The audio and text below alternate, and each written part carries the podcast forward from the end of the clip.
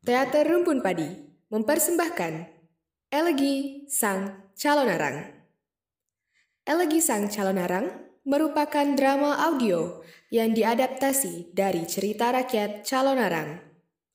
Naskah ditulis oleh Elizabeth Alicia Trisno. Disutradarai oleh Elizabeth Alicia Trisno dan Putu Dinda. Dan para pengisi suara, Stephanie Aurelia sebagai calon arang, Ingrid Georgina sebagai Ratih, Denzel Williams sebagai Airlangga, Agatha Sicilia sebagai Ratna Manggali, Arsenio Christian sebagai Empu Barada, dan Patricia Jessica Sia Cahyo sebagai narator. Selamat mendengarkan.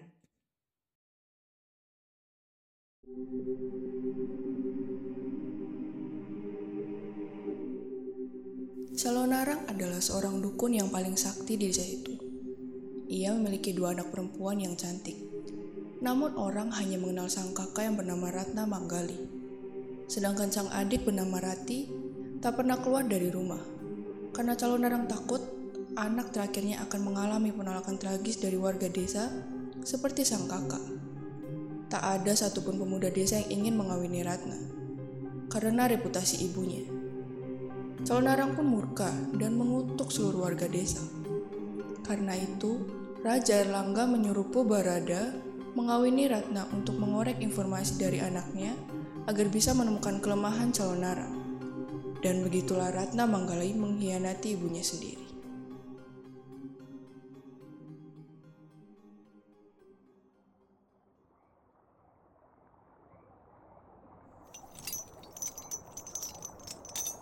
Tak ada gunanya kau melawan calon narang.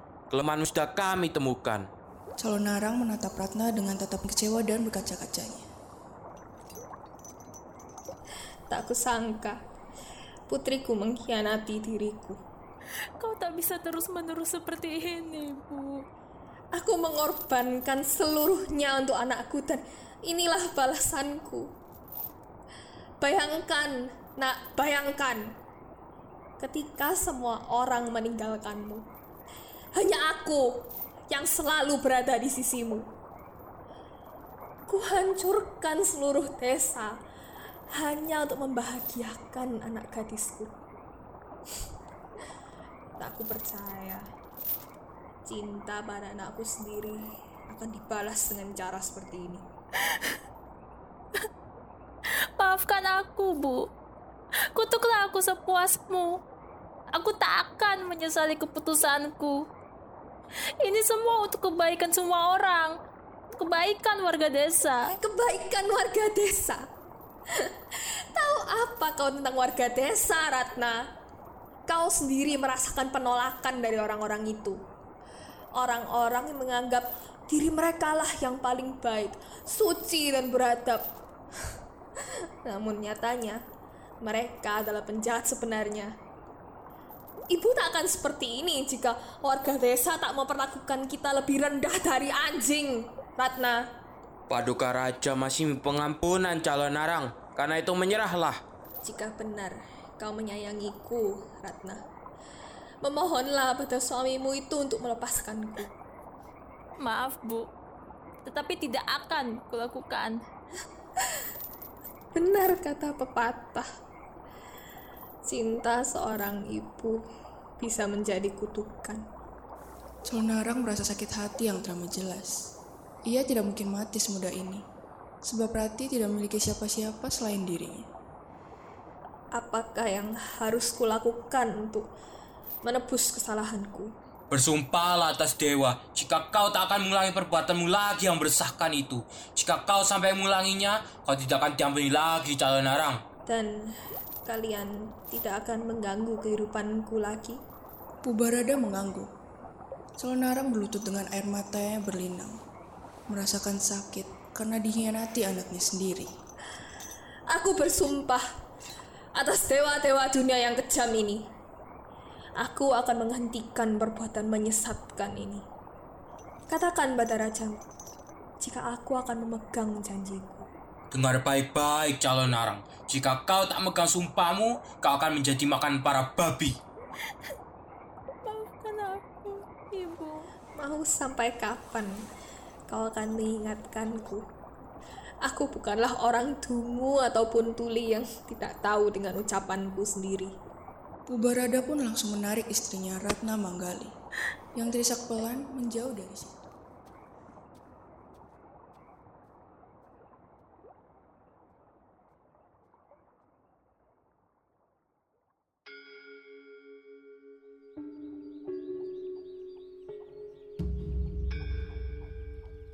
Tak terasa, setahun telah berlalu, dan desa itu menjadi tentram sejak kedatangan Pubarada.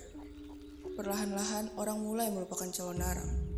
Meskipun banyak dari mereka yang enggan atau selalu ketakutan ketika melewati gubuk sederhana dukun sakti itu. Pagi yang cerah itu,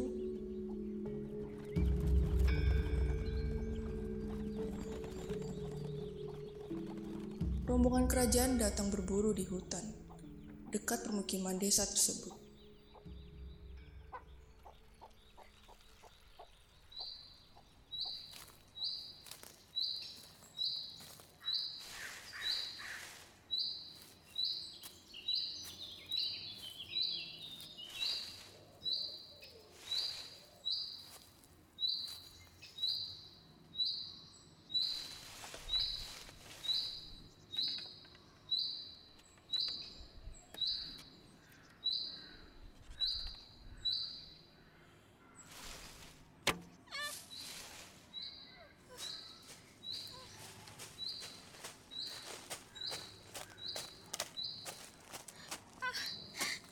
Anda baik-baik saja? Menurut Anda, saya terlihat baik, Tuan. Erlangga berjongkok dan berusaha menarik panah itu dari kaki Rati. Eh, ma- ma- maafkan saya. Tadi tadi saya tidak melihat Anda. Apa saya tidak cukup besar Tuan? Eh, siapa nama Anda jika saya boleh bertanya? Nama saya Ananda, Tuan. Ananda. Nama yang cantik untuk seorang gadis. Keduanya berhenti dan saling menatap satu dengan yang lain. Tak disangka Rati jika mengelabui sang raja nyatanya semudah ini. Apa kau memiliki keluarga di sini, Ananda? Saya seorang anak yatim piatu, Tuan. Dengan dengan siapa kau tinggal kalau begitu? Saya tinggal sendirian di gubuk sederhana tengah hutan, Tuan. Sendirian?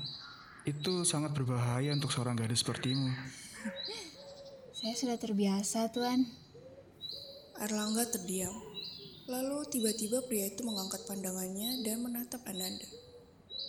Apa kamu mau ikut bersama saya ke keraton? Keraton? Apa yang akan saya lakukan di sana, Tuan? Apa saya akan dijadikan pelayan? Oh, tidak, tidak, tidak. Saya akan menjadikanmu istri saya. Istri seorang raja. Apa? Saya baru saja dilamar oleh seorang raja tanah ini. Pepatah sering mengatakan jika mata adalah hal yang paling berbahaya yang dimiliki manusia. Mengapa demikian? Karena mata bisa membuat hati buta. Saya tidak malu mengakui jika Anda telah berhasil mencuri hati saya sejak detik ini, Ananda. Dan begitulah Rati menjadi selir sang raja. Sang raja kian dekat dengannya setiap hari, memudahkan Rati mengorek informasi lebih banyak dari pria itu. Raja Erlangga pun juga tampak semakin menaruh kepercayaan padanya.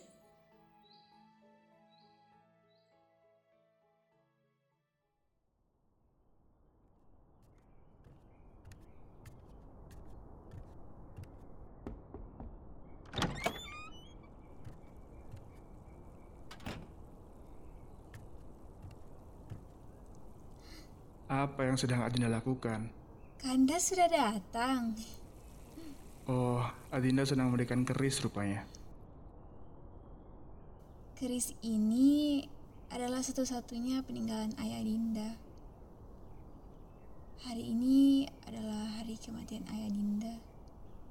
Karena itu, Adinda membandingkan keris ini sebagai penghormatan padanya. Adinda baik-baik saja selama ini. Berkat restu dewa dan kasih sayang Kanda, jika Kanda berkenan untuk memandikan keris ini sebagai penghormatan untuk ayah Adinda. Air Langga mengangguk dan membasuh keris itu dengan air. Rati memanfaatkan kesempatan itu dengan sengaja menyenggol tangan Air Langga agar tak sengaja menggesek tajamnya keris. Hal itu membuat telapak tangan Air Langga terluka dan berdarah. Maaf Kanda, Adinda tidak sengaja melakukannya. Tangan Kanda berdarah. Ini, ini, ini tidak sakit Adinda. Tenanglah. Rasti! Rasti! Saya Paduka Putri. Ambilkan ramuan untuk luka berdarah dan kain putih. Segera! Rasti menunduk dan pergi dari situ. Dikala Rati sibuk menghentikan darah Erlangga. Luka Erlangga sebenarnya tidaklah besar, namun cukup membuktikan pria itu bisa terluka dan bukanlah titisan dewa yang seperti orang katakan. Sebab titisan dewa kebal dan sakti. Adinda, Kanda baik-baik saja.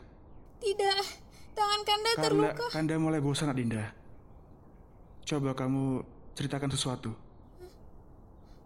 Ceritakan tentang calon arang. Desa Adinda terkenal akan seorang dukun sakti bernama Calon Arang. Katakan Adinda, apa Adinda pernah bertemu langsung dengan Calon Arang?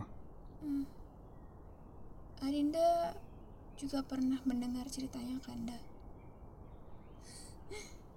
Sejak kedatangan Pubarada, calon narang tak pernah lagi berulah Kanda. Adinda masih belum menjawab pertanyaan Kanda. Pernah Kanda. Saat itu, Adinda sedang mencari kayu bakar di hutan. Tak sengaja, Adinda bertemu calon narang yang sedang bertapa. Adinda langsung menyingkir cepat mungkin. Sebab Adinda takut akan dijadikan tumbal. Jika demikian, mengapa Adinda tidak takut tinggal sendiri di tengah hutan? Seorang gadis yang penyendiri adalah santapan calon arang. Apa Adinda tidak tahu mengenai hal ini? Sebelum ayah Adinda meninggal, beliau memasang tolak bala di sekitar rumah Kanda. Ajannya cukup sakti dan diwariskan turun-temurun dari empu Sora sendiri. Pertapa paling disegani desa kami. Hmm, tapi masih ada satu hal yang membuat Kanda bingung. Katakan Kanda, Adinda mendengar. Bagaimana bisa tak ada pemuda desa yang jatuh hati pada gadis cantik sepertimu, Adinda? Kanda terlalu baik. Apa Adinda tidak pernah keluar hutan sama sekali? Sering Kanda. Tetapi Adinda tak secantik gadis lain di desa itu. Oh, Adinda adalah gadis yang cantik dan memikat. Tak ada pemuda desa yang menginginkan Adinda. Tentu sesuatu yang janggal, bukan? Gadis cantik tanpa peminat tentu harus ditakuti, Adinda.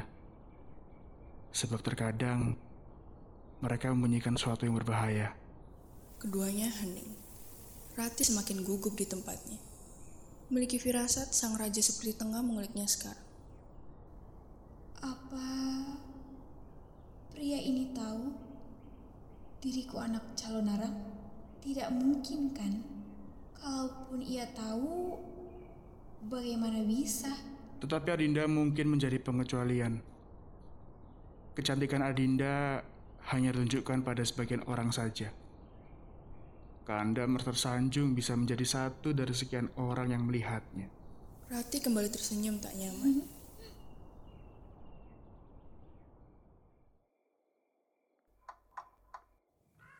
Rati mendengar ketukan di jendela kayunya saat malam hari. Rati pun berjalan untuk membuka jendela tersebut.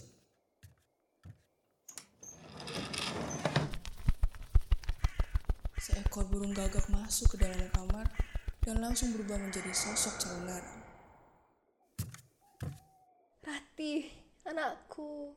Calon narang merentangkan tangannya dan memeluk anaknya. Rati balas memeluk ibunya sama eratnya. Akhirnya, kau datang juga, Bu. Oh Ratih, Ratih, Ratih. Calon narang mengurai pelukan mereka dan menarik anaknya untuk duduk di pinggir ranjang. Sekarang, katakan pada ibu, informasi apa saja yang sudah kau temukan. Rati memandang ibunya berkilat-kilat. Air Langga bukanlah seorang titisan dewa, Bu. Para Brahmana mengatakannya agar rakyat lebih tunduk pada raja yang berkuasa. Bukankah itu berarti ia bisa dibunuh? Benar, ia bisa terluka sama seperti kita. Hanya, Bu, ada sesuatu yang harus kusampaikan. Katakan, nak. Meskipun Erlangga terbukti bukanlah titisan seorang dewa, namun kesaktiannya tetap tidak boleh diremehkan, Bu. Ia sama saktinya seperti Empu Barada. Sama saktinya seperti Empu Barat. Anakku yang naif. Dengar, Ratih. Selama dia manusia, dia tetap bisa dibunuh. Tak peduli seberapa sakti dia. Ibu tahu, nak, cara paling tepat untuk membunuh orang sakti seperti ini. Dengan ajian tinggi, Tidak, tentu saja tidak. Bunuh mereka saat tidur. Ketika mereka tidur, anakku, pertahanan mereka melonggar dan tidak swaspada saat masih sadar. Saat itulah kau harus memanfaatkannya. Calon narang meraih keris yang disembunyikan Rati di bawah ranjangnya. Tusuk dadanya dengan belati, anakku. Kau harus menusuknya tepat di jantungnya. Calon narang menekan letak jantung Rati dengan jari telunjuknya. Rati menatap belati itu dalam diam. Ratih, anakku yang kukasihi, berjanjilah padaku kau takkan mengkhianatiku seperti yang dilakukan kakakmu. ibu bisa percaya padaku. Hmm, Jika Rati berhasil membunuh sang raja, apa rencana ibu selanjutnya? Ibu akan mengutuk dan memberikan petaka pada orang-orang yang telah merendahkan kita, anakku. Dendam ini harus ibu balaskan agar ibu bisa mati dengan tenang. Setelahnya, kita berdua akan pergi jauh-jauh dari sini dan memulai hidup baru, anakku. Mengapa ibu sangat membenci warga desa? Oh, anakku yang naif. Mereka adalah orang-orang munafik, nak. Mereka mengatai kita sesat. Namun perbuatan mereka, hah, sama tak jauhnya dari kesesatan. Mereka terus menyudutkan kita hanya untuk menutupi sisi manusia mereka yang lemah dan tak pernah mau diakui itu. Dengan arogannya menganggap diri mereka lebih suci dari kita. Namun mereka sebenarnya tak sadar jika mereka sama kotornya dengan kita. Apa kita sekotor itu, Bu? Ratih, anakku, semua manusia adalah kotor adanya. Yang membedakan kita dengan mereka adalah mereka mampu menyembunyikan kebusukan itu dengan baik. Mereka sama tersesatnya dengan kita. Iya, memang menjadi manusia tersesat adalah hal yang wajar. Namun terkadang sulit bagi manusia biasa untuk mengakui dirinya tersesat. Segera setelah berkata demikian, calon narang pun pamit. Dengan ajian tingginya, ia merubah dirinya menjadi seekor gagak dan terbang keluar jendela kamar Rati. Meninggalkan Rati dalam kegamangan.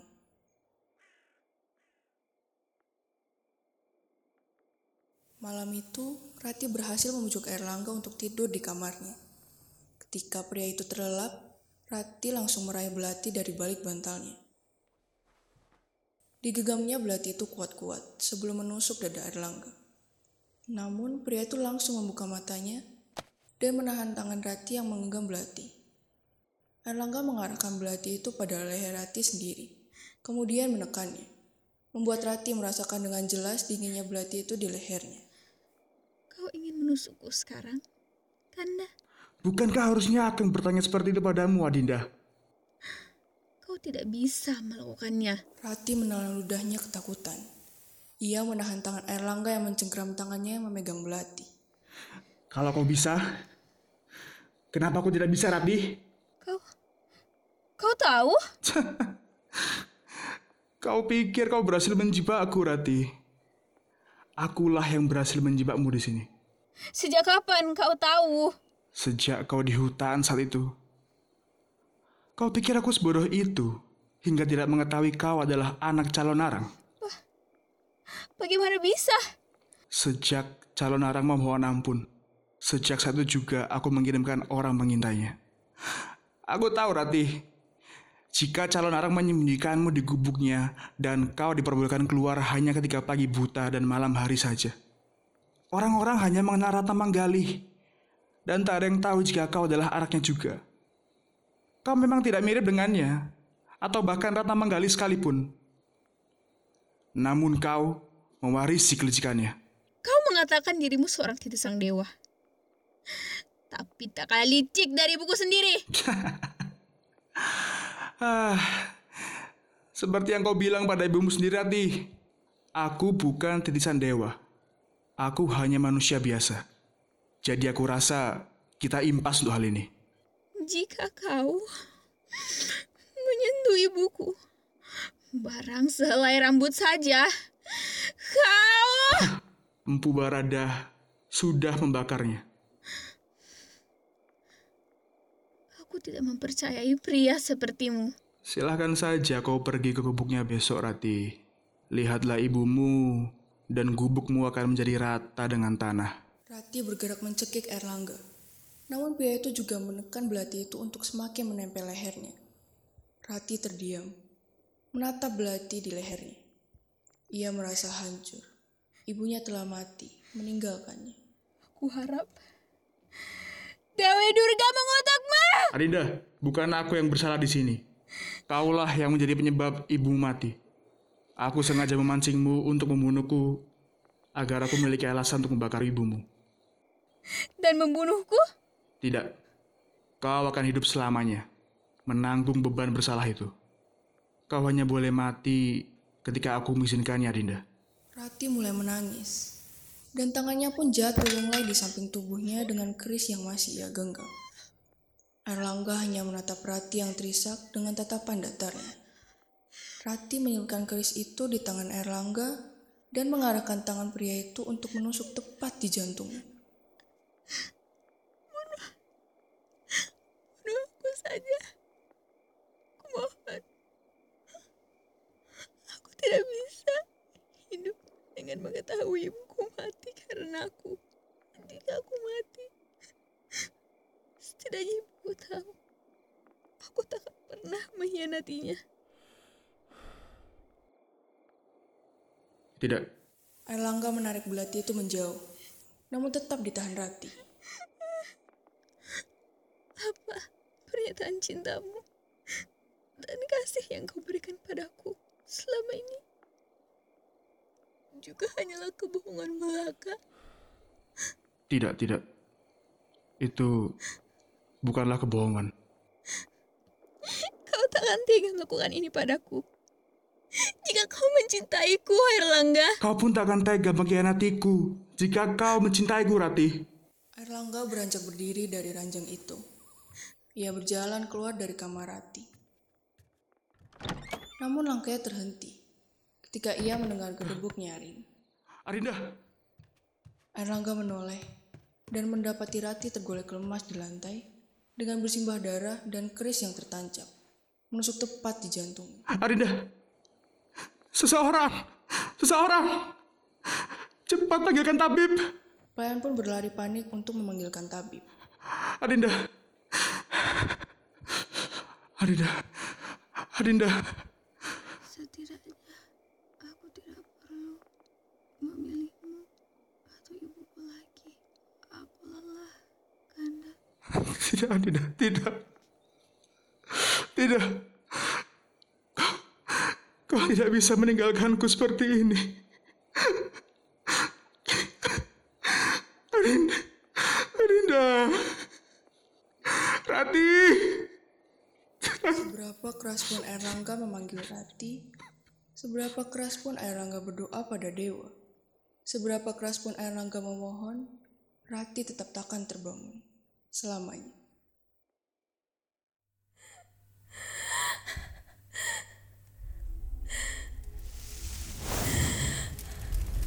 Kabar mengenai kematian Rati menyebar sangat cepat, hingga sampai pada calon arang sendiri. Mendengar kematian Rati, calon arang sangat murka, hingga membakar seluruh desa dan hutan. Aku bersumpah atas dewa dan bumi ini. Kalian akan merasakan sakit yang sama sepertiku. Kalian telah mengambil semuanya dariku. Ratna meninggalkanku. Rati pun takkan kembali. Calon Narang, buktikan. Aku bersumpah takkan mati sampai menemukan cara membuat kalian semua merasakan teror yang sama sepertiku. Rasa takut yang sama, rasa sedih yang sama, dan rasa terasing yang sama. Kalian menyebut diri kalian manusia, bahkan anjing masih lebih mengasihani daripada kalian. Paduka Raja sama kehilangan sepertimu, calon Narang. Tidak, perasaannya tak sebanding denganku. Ia hanya mengenal Ratiku selama beberapa bulan saja. Aku, aku adalah ibunya. Aku yang merawat Ratih hingga dia sebesar ini. Aku mengasihinya lebih dari apa pun di dunia ini dan kau masih berani mengatakan jika bajingan itu merasakan sama sakitnya sepertiku. Aku akan membunuhmu, calon Narang. Buktikan sekarang juga. Kemarahan tak bisa dibunuh, Bu Barada. Kemarahan hanya bisa ditenangkan. Kau terlalu bodoh dan tak pantas untuk gelar empu itu. Apa yang dikatakan Salonarang, begitulah kenyataannya. Ubarada sampai terluka parah hanya untuk memusnahkan Salonarang. Kemarahan adalah emosi yang paling berbahaya yang dimiliki seorang manusia. Sebab ketika marah, manusia tak dapat berpikir dengan jernih lagi.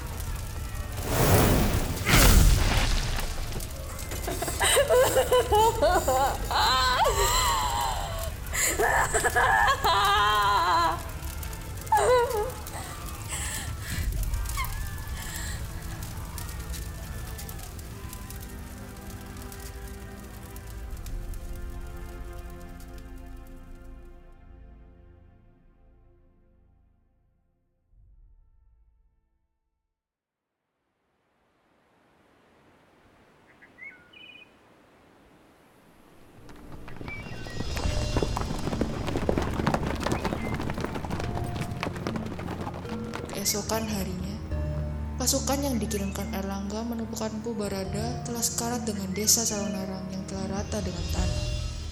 Bahkan hutan tersebut pun sama gersangnya. Salonarang telah pergi bertapa jauh di atas gunung untuk mengasingkan dirinya sendiri.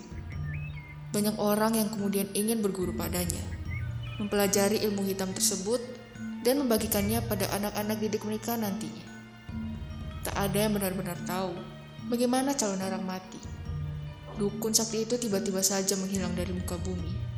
Namun warisan ilmu hitamnya tetaplah ada sampai sekarang dan yang paling terkenal adalah Lea.